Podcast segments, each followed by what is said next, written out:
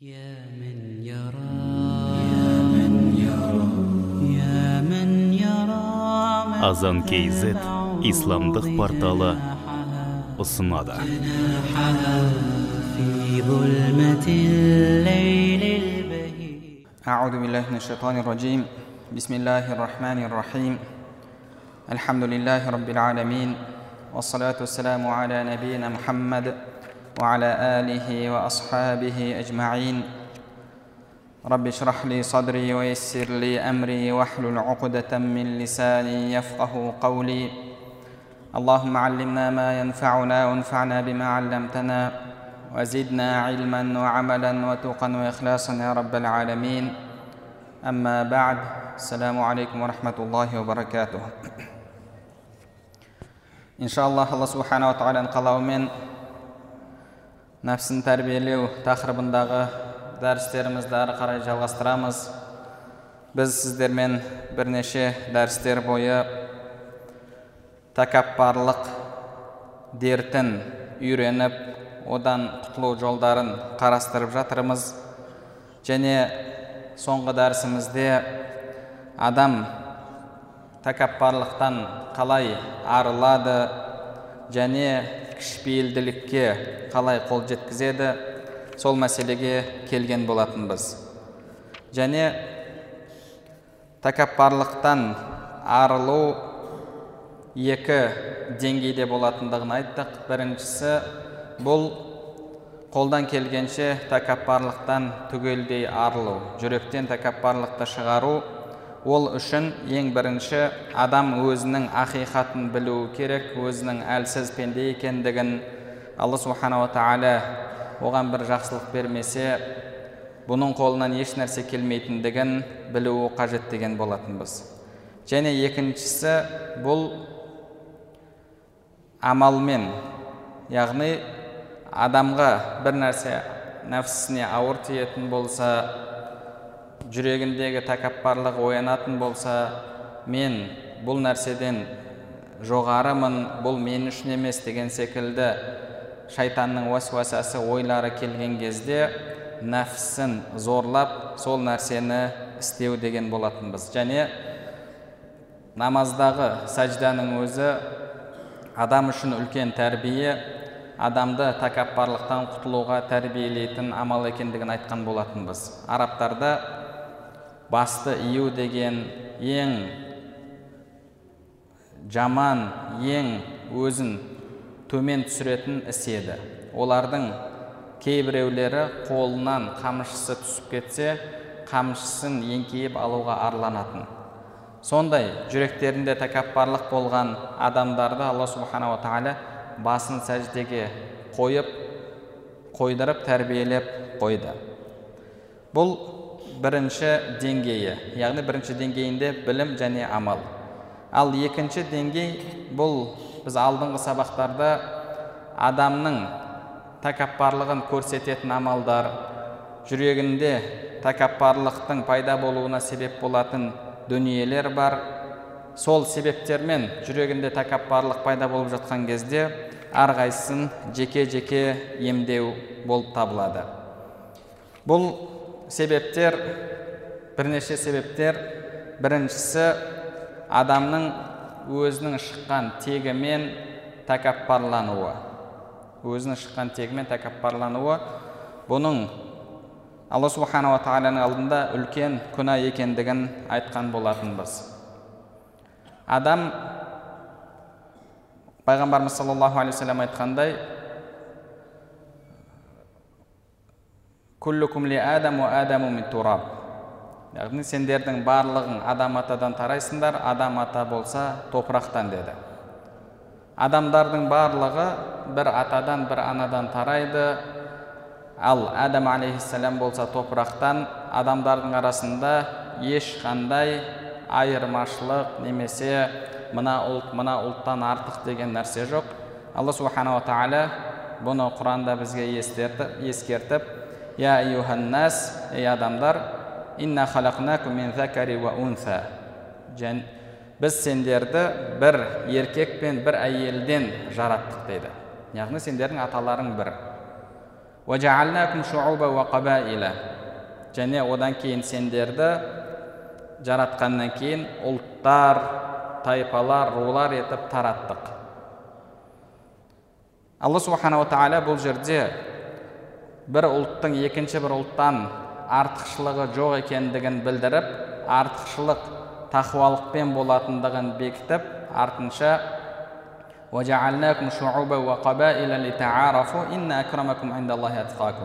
ал алланың алдындағы ардақтыларың құрметтілерің бұл алладан қаттырақ қорыққандарың деді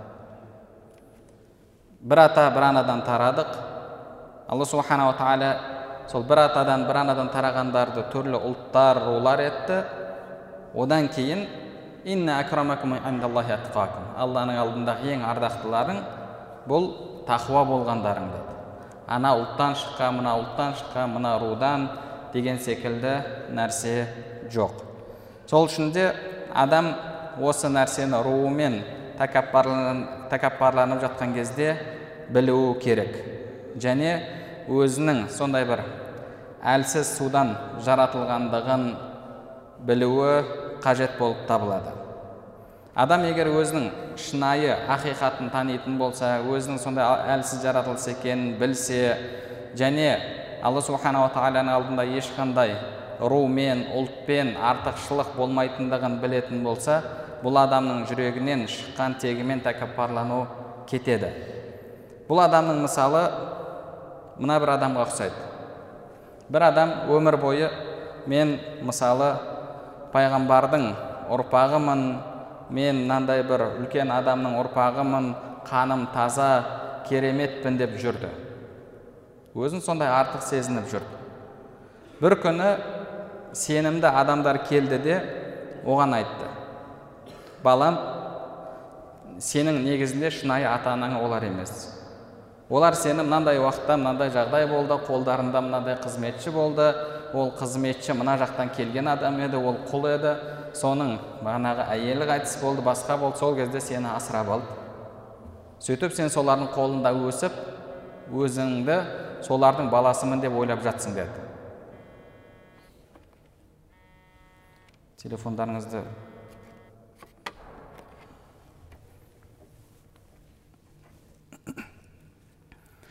бұл адам өзін қанша уақыттан бері мен сондай бір керемет рудан шыққанмын таза отбасыдан шыққанмын деп ойлап жүрген адам өзінің ақиқатын білген кезде қалай сезінеді? Өзінің бір қызметшінің бір құлдың баласы екендігін ешқандай ода бір ақсүйектік ешнәрсе жоқ екендігін білген кезде ол өзін қалай сезінеді? Адам өзін солай сезінуі керек. Сол үшін де қашан? Жүрегіңізде мен мынандай отбасыдан шыққанмын мынандай румын деген секілді бір сезім болып және одан кейін басқа бір руға басқа бір ұлтқа қараған кезде мен одан артықпын деген секілді жүрегіңізде сенім ой пайда болса сіз өзіңіздің шынайы шыққан тегіңізді ойлаңыз және алла субханала тағаланың алдында ұлт ру деген нәрсе жүрмейтіндігін шынайы құрмет шынайы тақуалық. Бұл шынайы алланың алдындағы ардақтылық тақуалықпен болатындығын есіңізге түсіріңіз. Ал мың жерден қаныңыз таза болсын мың жерден ақсүйек болыңыз мың жерден пайғамбарымызға саллаллаху алейхи уассалам туысқандығыңыз болсын. Егер сізде тақуалық болмаса онда сіз кімсіз? Сіз пайғамбарымыз саллаллаху алейхи уассаламға қанша жақын болсаңыз да әбу ләхабтан жақын емессіз бірақ біз қияметке дейін тәббәт яда әби ләхаб әбу ләхабтың екі қолы құрысын деп оны сөгіп өтеміз және оның әйелі сол үшін де адам ешқашан өзінің руымен шыққан тегімен тәкаппарлануына болмайды одан кейін адамның тәкаппарлануына себеп болатын нәрселерден алланың берген сұлулығы. Адам өзін сол сұлулығымен басқалардан артық көріп жатса жанына түрі одан сәл нашарырақ болған біреу келіп жатса соны көрген кезде өзін бір артық көріп мен сұлумын мен әдемімін менің бойым ұзын менің бағанағы денем келіскен деген секілді ой болып жатқан кезде әсіресе әйел адамдарда адам өзінің ақиқатына үңіліп қарау керек. Адам деген кім? Адамның ақиқаты. Алла субханала тағала адам өзінің сұлулығымен алданып қалмасын деп осы сұлу беттің сұлу түрдің ішінде қанша жаман нәрсені сасық нәрсені бізге жинап қойды. Мұрны әдемі. Бірақ мұрнының іші. Ше оның еріндері әдемі шығар. Бірақ сол әдемі аузынан алла субханала тағала таң оянған кезде өзі шыдай алмайтын иістерді шығарып қойды. Оның қарны қарнында алла субханала тағала оған нәжіс көтертіп қойды. Қолының асты құлағы. Сахабалар айтады әбу бәкір радиаллаху анху уағыз айтқан кезде бізге өзіміздің ақиқатымызды танытып өзімізді төмен сезуге шақыратын еді деді.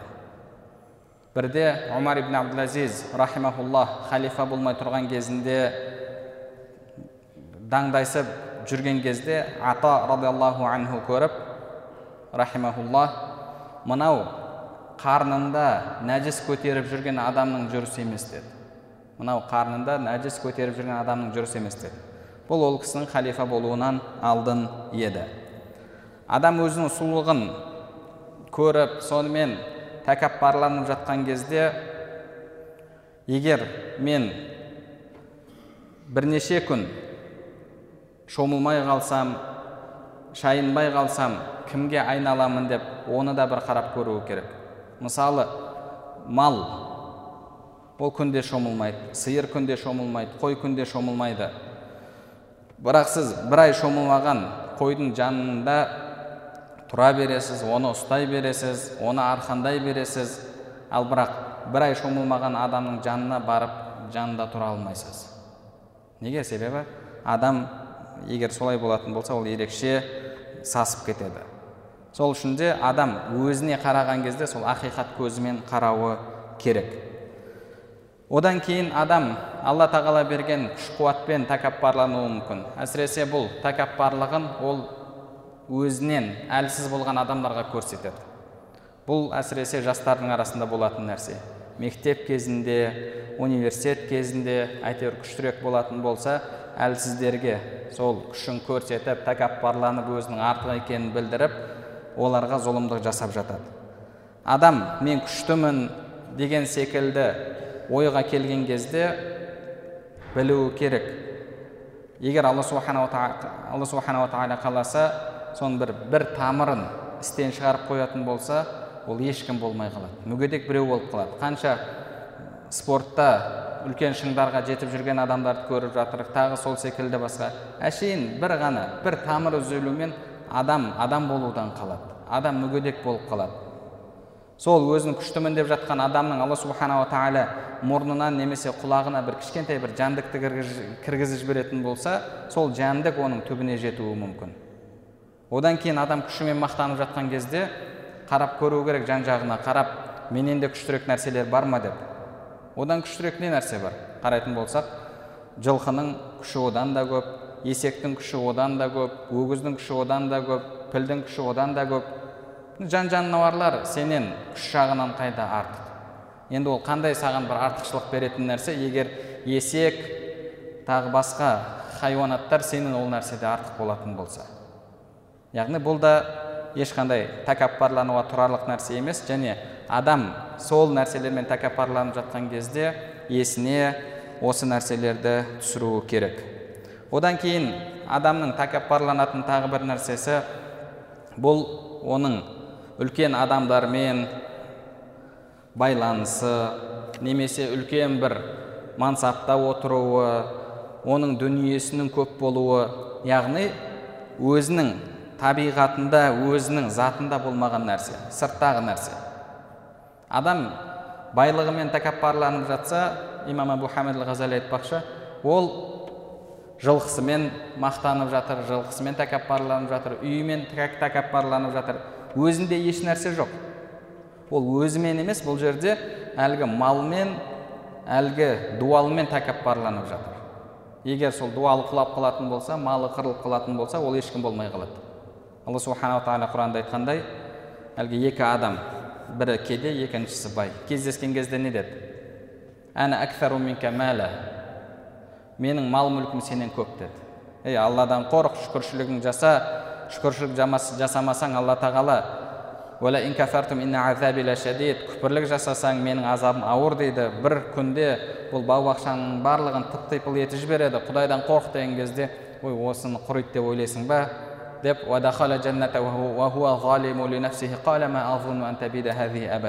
бау бақшасына кіріп өзіне зұлымдық жасаған халде мынаның барлығы қалай құрып қалады дейсің деген секілді сөзді айтты алла субханала тағала бір түнде жоқ қылды сөйтіп кім болдық ешкім болмай қалды яғни адам дүние мал мүлкімен тәкаппарланып жатқан кезде ол жылқысымен басқасымен тәкаппарланып жатыр банктағы қағаздармен тәкаппарланып жатыр егер инфляция басқа бір нәрсе болатын болса әлгі дүниесі бір күнде құнсызданып кетуі мүмкін. Қазіргі таңда бір кнопканы басып қалатын болса оның есеп шотынан басқа біреудің есеп шотына өтіп кетті. Бір он секундтың ішінде бір минуттың ішінде ешкім болмай қалды. Ешкім болмай қалады.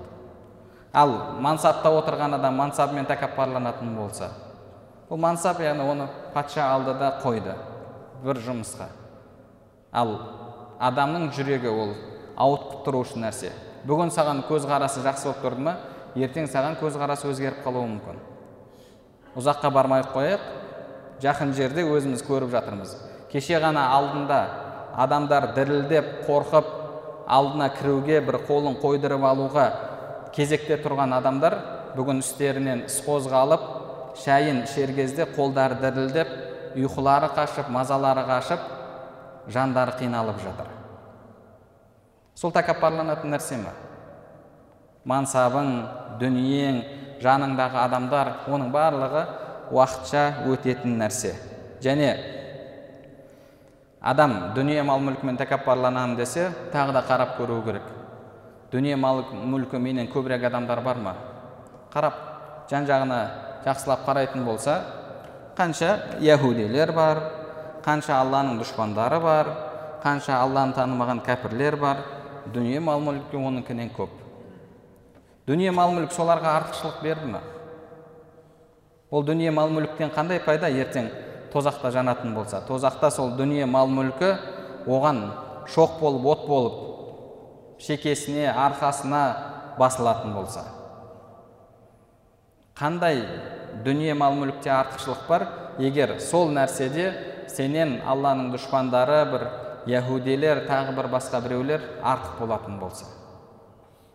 Сол үшін де адам дүние мал мүлкімен тәкаппарланып жатқан кезде қарау керек. Е дүние мал мүлікті маған кім берді? Мен осыны ұстап тұра аламын ба? Алла тағала қаламаса бір сәтте мен бұдан айырылып қаламын ғой деп ойлануы керек. Мысал бір адам дүние мал мүлкімен тәкаппарланып жүрді сөйтіп жүрген кезде бір топ адам шықты сенімді әділ жалған сөйлемейтін адамдар барды патшаның алдына барып айтты ана пәленше пәленше құлдың баласы кезінде әкесі қожайыннан қашып кеткен біраз дүниесін алып сонымен байып байып кетті де міне сол, дүниесі баласына қалды сонымен масаттанып жүр десе. Оның үкімі не шариғатта? Қашып кеткен құл қожайынына қайтарылады қожайын дүниесін алып кеткен ол дүниенің барлығы қожайынына қайтарылады.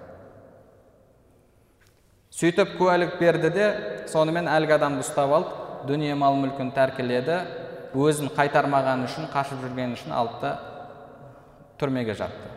Бұл адам кім болды? Ешкім болмай қалды. Бұл адам ешкім болмай қалады. Тура сол секілді. Ертең өлім сағаты келеді дүние мал мүлкін, барлығынан айырыласың. Бір ғана бірнеше метрден тұратын ақ матамен көмілесің. Одан кейін ол да шіріп қалады. Ертең алла субханала тағаланың алдына барған кезде дүние мал мүлкіңді өз орнына жұмсамаған болсаң әлі қаруын сияқты жұртқа тәкаппарланған болсаң құранда алла субханала тағала айтқандай фәтукуа биха жибахухум уа жунубухум уа зухурухум сол дүние мал мүліктері оған әлгі үтік секілді шекесіне басылады қыздырылып жанына арқасына бастырылады ондай болатын болса бұл нәрсемен адамның тәкаппарлануына болмайды одан кейін адамның тәкаппарлануына себеп болатын тағы бір нәрсе бұл білім біліммен тәкаппарлану бұдан арылу бұл өте қиын нәрсе. Неге? Себебі білім шынында да алланың адамға беретін жақсылығы. Білім алланың алдында жақсы нәрсе адамдардың алдында жақсы нәрсе. Сол үшін біліммен тәкаппарлан тәкаппарланатын болсаңыз бұл тәкаппарлықты кетіру өте қиынға соғады. Сол үшін де кәбул ахбар рахимахуллах айтқан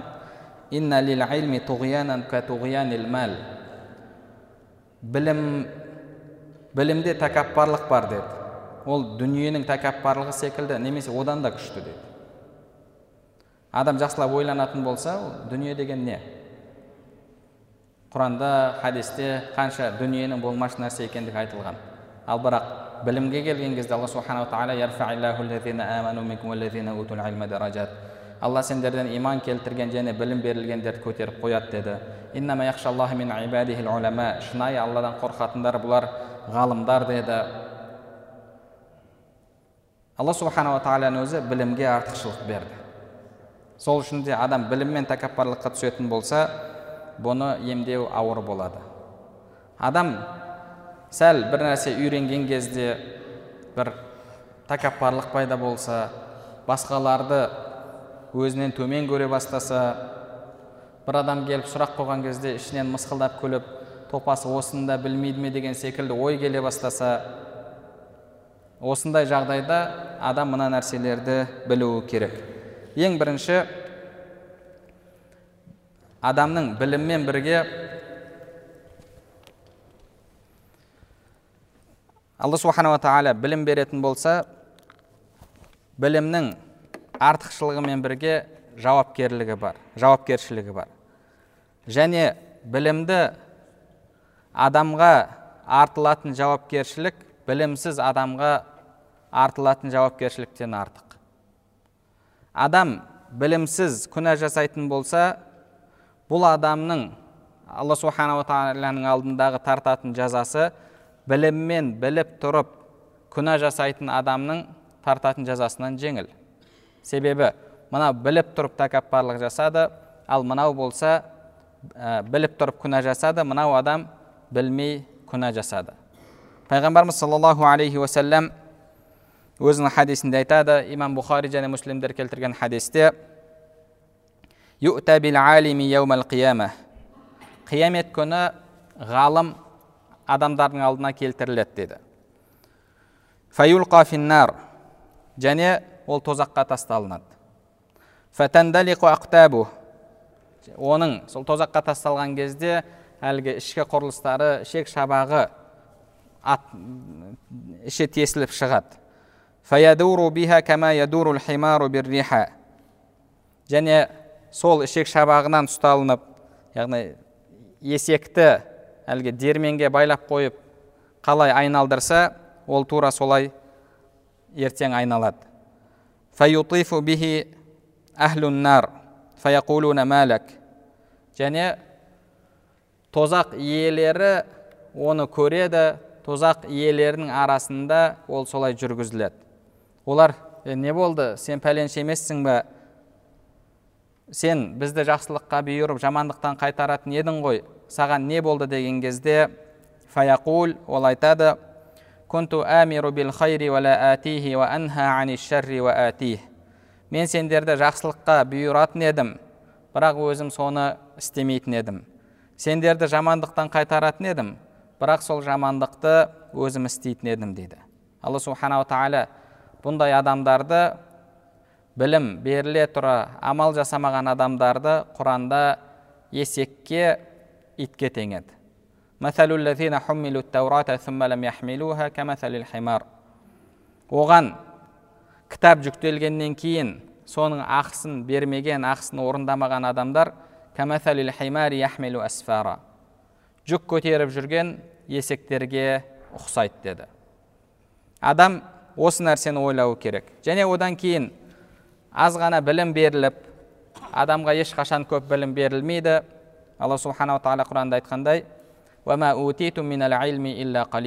Сендерге білімнен аз ғана мөлшер берілді деді. Адам білетін нәрсесін білмейтін нәрсесімен өлшейтін болса білгені бір теңіздің тамшысы секілді. Имам шафии рахимахулла айтқандай менің білімім артқан сайын надандығыма деген сенімім арта түсті дейді надандығыма тағы да көбірек көзім жетті дейді. Адам аз ғана білім берілсе соны көп көріп өзін басқалардан артық қойып жатса ол өзін қанша артық қойса да сахабалардан өзін артық қоюына болмайды. Сахабалардан ол артық емес. Ал сахабалар қандай еді? Сахабаларға қанша білім берді оларды ақтап алла субханала тағаланың аяттары түсті. Олар пайғамбарымыз саллаллаху алейхи уассаламмен бірге дінді таратты. Ең бірінші діннің жанашырлары болды. Бірақ сол сахабалар умар радиаллаху анху ол кісілер умми мені анам тумай ақ қойғандай еді мен бұл дүниеге келмегенде еді келмегенде едім деп қорқатын болған. Қайсы бір сахабалар мен мынау құстар секілді бір құс болып кетсем адамдар ұстап алып жеп қоятын деп сондай ақиреті үшін алаңдайтын. Ал енді адам өзін қанша білімдімін десе де ол сахабалардан артық емес. Сахабалардың халі сондай болатын болса онда біздің халіміз қандай болуы керек? Одан кейін адам біліммен тәкаппарланып жатқан кезде әлбетте ол адамда білім бар. Тәкаппарлық аллаға жарасатындығын есіне түсіруі керек. Қалай сен тәкаппарлық жасайсың біліммен алла субханала тағала саған айтып тұр. Кімде кім тәкаппарлық жасап тәкаппарлық сипатында менімен таласатын болса мен оны құртамын деп тұр. Қалайша сен білім ала тұра біле тұра тәкаппарланасың алла субханала тағала саған жүрегіңде зәреде тәкаппарлық болса сен жәннатқа кірмейсің деп тұр тозақсың деп тұр. Ал өзіңде сол кібірлік тәкаппарлық болатын болса сен өзіңді білесің. Инсану құранда айтқандай адам өзін жақсы біледі. Яғни сен өзіңнің тозақ екеніңді біліп тұрсың. Себебі алла субханала тағала саған айтып тұр сен тәкаппар болсаң жүрегіңде тәкаппарлық болса жәннатқа кірмейсің деп тұр. Қалайша сен солай тұра тағы да өзіңді жұрттан артық қоясың? Адам тозақы болды ма біз өткенде айтқандай одан ит шошқа тағы басқа хайуанаттар артық себебі олар ертең топырақ болып кетеді кәпір адам тозақта азапталып жатқан адам солар секілді болуды қалайды мен де топырақ болып кетсем еді деп армандайды және бұл жерде адамға ойына келетін нәрсе енді біреулер күнә істеп жүр. Күнәнің жамандығы алланың алдында белгілі. Алла субханала тағала маған білім берді. Білімнің алланың алдындағы артықшылығы белгілі. Енді қалайша? Алла күнәні төмен етіп қойды. Білімді артық етіп қойды. Біреу күнә істеп жүр. Маған алла білім берді. Енді қалайша мен өзімді одан төмен көремін? Білімді алла күнәдан артық еткен жоқ па күнәні төмен еткен жоқ па деген секілді ойға келуі мүмкін. Шайтан келіп сондай ой салады сен бұлай істейтін болсаң қазір алланың ұлы еткенін сен төмен етесің. Алланың ұлы еткенін сен аяқ асты етесің. Сол үшін де сен өзіңнің артықшылығыңды білуің керек деп шайтан келіп ой салады. Адамға осындай ой келген кезде ол адам ең бірінші ойлау керек болған нәрсе соңы менің соңым қалай болады? Оның соңы қалай болады? Адам бір сәт ойлануы керек. Менің ертең соңғы амалым қандай болып бітеді? Оның соңғы амалы қандай болып бітеді? Біздің ғұламаларымыз айтады әхлі сүнна ғұламалары алла тағала омар радиаллаху анхуды кәпір кезінде жақсы көрді деді. Алла субханала тағала омар радиаллаху анхуды кәпір кезінде жақсы көрді ал иблисті аллаға құлшылық жасап жүрген кезінде жек көрді дейді неге себебі алла тағала біледі кімнің соңы қалай болатындығын кімнің соңы қалай болатындығын біледі ал адамдардың істері соңғысымен есепке алынады соңғы жағдайың қандай болды соңында қандай халде өлдің біреуді күнәһар деп көріп жатсың оның халі қалай болады ертең? Мүмкін ол тәубе етіп алланың сүйікті құлдарына айналып дүниеден өтер.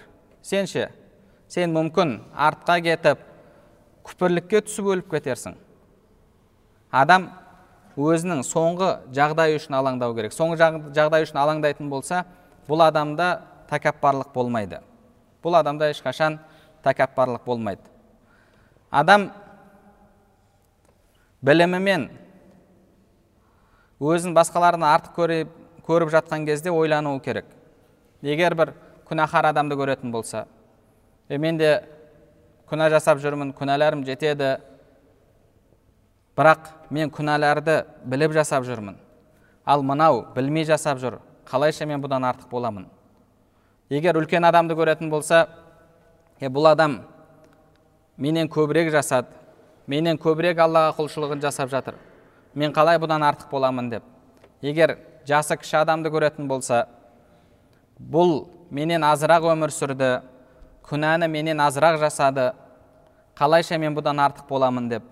Егер бір күнәһар пендені көретін болса ертең бұның халі қалай болады менің халім қалай болады білмеймін ғой қалай бұдан мен артық боламын егер соңым белгілі болмаса деп адам жүрегінде осы нәрселерді түюі керек.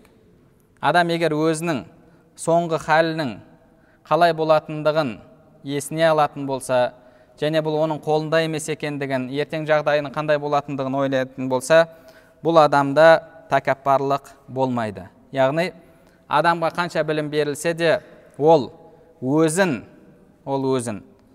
Күнәһардан да басқа білім берілмеген адамдардан да ешкімнен артық көрмеуі керек. Керісінше өзін олардан төмен көруі керек.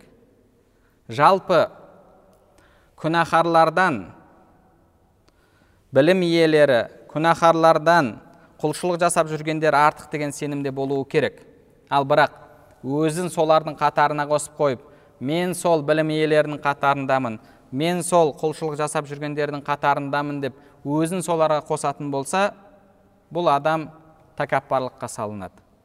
Бұл адамда аужіб дерті пайда болады. Әлгі адам қашан өзін артық көреді? Егер өзіне разы болатын болса.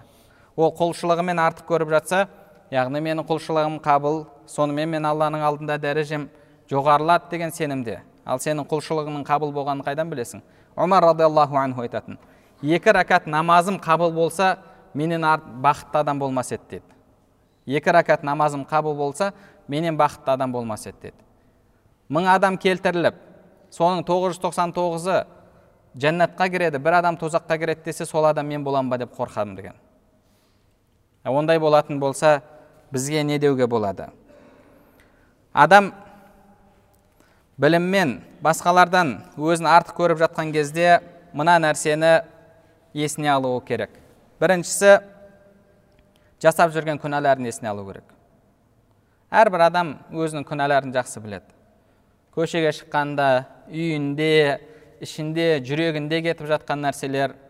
Адам өзінің күнәларын есіне алатын болса онда өзін төмен сезінеді. Бұл бірінші нәрсе. Екіншісі сол білімді сол құлшылықты жасауға саған кім нәсіп етті кім мүмкіндік берді? Ол кімнен нығмет? Ол алладан нығмет. Яғни ол адамның өзінен емес. Алладан берілген нығмет екендігін еске алған кезде адам ол нәрсемен тәкаппарланбайды. Алла субханала тағала бір адамды мұсылман отбасында дүниеге келтірді. Екінші бір адамды кәпір отбасында дүниеге келтірді. Үшінші бір адамды тағы бір жағдайда.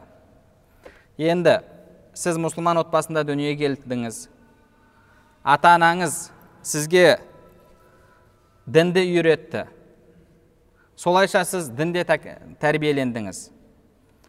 Оңай емес бір діннен екінші дінге өту. Оңай емес ақиқатты іздеп соған көз жеткізіп ақиқатты қабылдау. Сіздің ешқандай аллаға өткізген жақсылығыңыз жоқ. Сол мұсылман отбасында мұсылман қоғамда мұсылман мемлекетте дүниеге келетіндей сіз қандай аллаға жақсылық өткіздіңіз? Бұл алла субханала тағаланың сізге берген жақсылығы. Ал анау қандай бір күнә істеп қойды ол отбасыда дүниеге келетіндей барлығы алланың әділдігімен және мейіріммен болып жатқан нәрсе. Алла субханала тағала ешкімге зұлымдық жасамайды. Адамдар алланың жақсылығымен мейірімімен әділдігінің арасында. Яғни сіз бұл алладан сізге келген нығмет екендігін есіңізге алуыңыз керек. Және үшіншісі бұл соңым қалай болады дегенді ойлайтын болсаңыз бұл да сіздің тәкаппарлықтан құтылуыңызға себеп болады. Енді адам айтуы мүмкін. Енді қалайша? Мен күнәһар адамды көрсем ашулануым керек. Бидғатшыны көрсем ашулануым керек. Жамандық жасап жатқан адамды көрсем ашулануым керек. Енді мен өзімді одан төмен одан нашар көріп тұрсам қалай ашуланамын деп ойлауы мүмкін. Адам өзін төмен көре тұра алла үшін ашулану керек себебі алла субханала тағала оған бұйырды. Мен анадан артықпын деп емес мен күнәһардан мен артықпын деп ашулану емес. Бұл жерде алла субханала тағала күнәні көрген кезде оны жек көруді күнәні көрген кезде ашулануды бұйырды. Сол үшін мен ашуланамын бұл мысал ретінде келтіретін болсақ хан патша тәрбиешісіне баласын берді. Баламды жақсылап тәрбиеле деді. Егер ол бір жамандық жасап жатса сабағын оқымай жатса ұр деді. Ол дұрыстап тәрбиеленсін мен оның адам болғанын қалаймын адам болғанын жақсы көремін деді. Енді баласы оқымай жатса әдепсіздік жасап жатса сіз әлгі патша жақсы көрмейтін патшаға жақпайтын нәрсені баласы істеп жатқаны үшін әкесінің айтқанын орындамай жатқаны үшін ашуланып баласын ұрасыз. Баласына сіз де ашуланасыз. Неге себебі? Сіздің патшаңыз ашуланатын істі ол жасап жатыр. Ондай болатын болса сіз де ашуланасыз. Бірақ ашуланып оны ұрып жатқан кезде мен мынаны ұрып жатырмын ашуланып жатырмын. Мен хан үшін патша үшін баласынан артықпын деп ойлай аласыз ба? Ол қанша күнә жасаса да қанша әдепсіздік жасаса да баласы баласы бәрібір сізден артық болып қалады. Сол үшін де сіз басқа біреуді көрген кезде күнә жасап жатқан аллаға жақпайтын нәрсе істеп жатқан үшін ашуланасыз. Бірақ мен одан артық болып қалдым деген ешқашан ойда болмауыңыз қажет. Және иншалла тағы да тәкаппарлыққа қатысты мәселелер бар. Алла нәсіп етсе оны келесі дәрістерімізде үйренетін боламыз алла субханала тағала бәрімізді тәкаппарлықтан сақтасын алла субханала тағала бәрімізді өзінің кішіпейілді кішіпейіл құлдарынан етсін алла субханала тағала бәрімізге пайдалы білім нәсіп етсін білімдерімізге амал етуімізді және амалдарымыздың қабыл болуын нәсіп етсін субханак астағфирук ва атубу илейк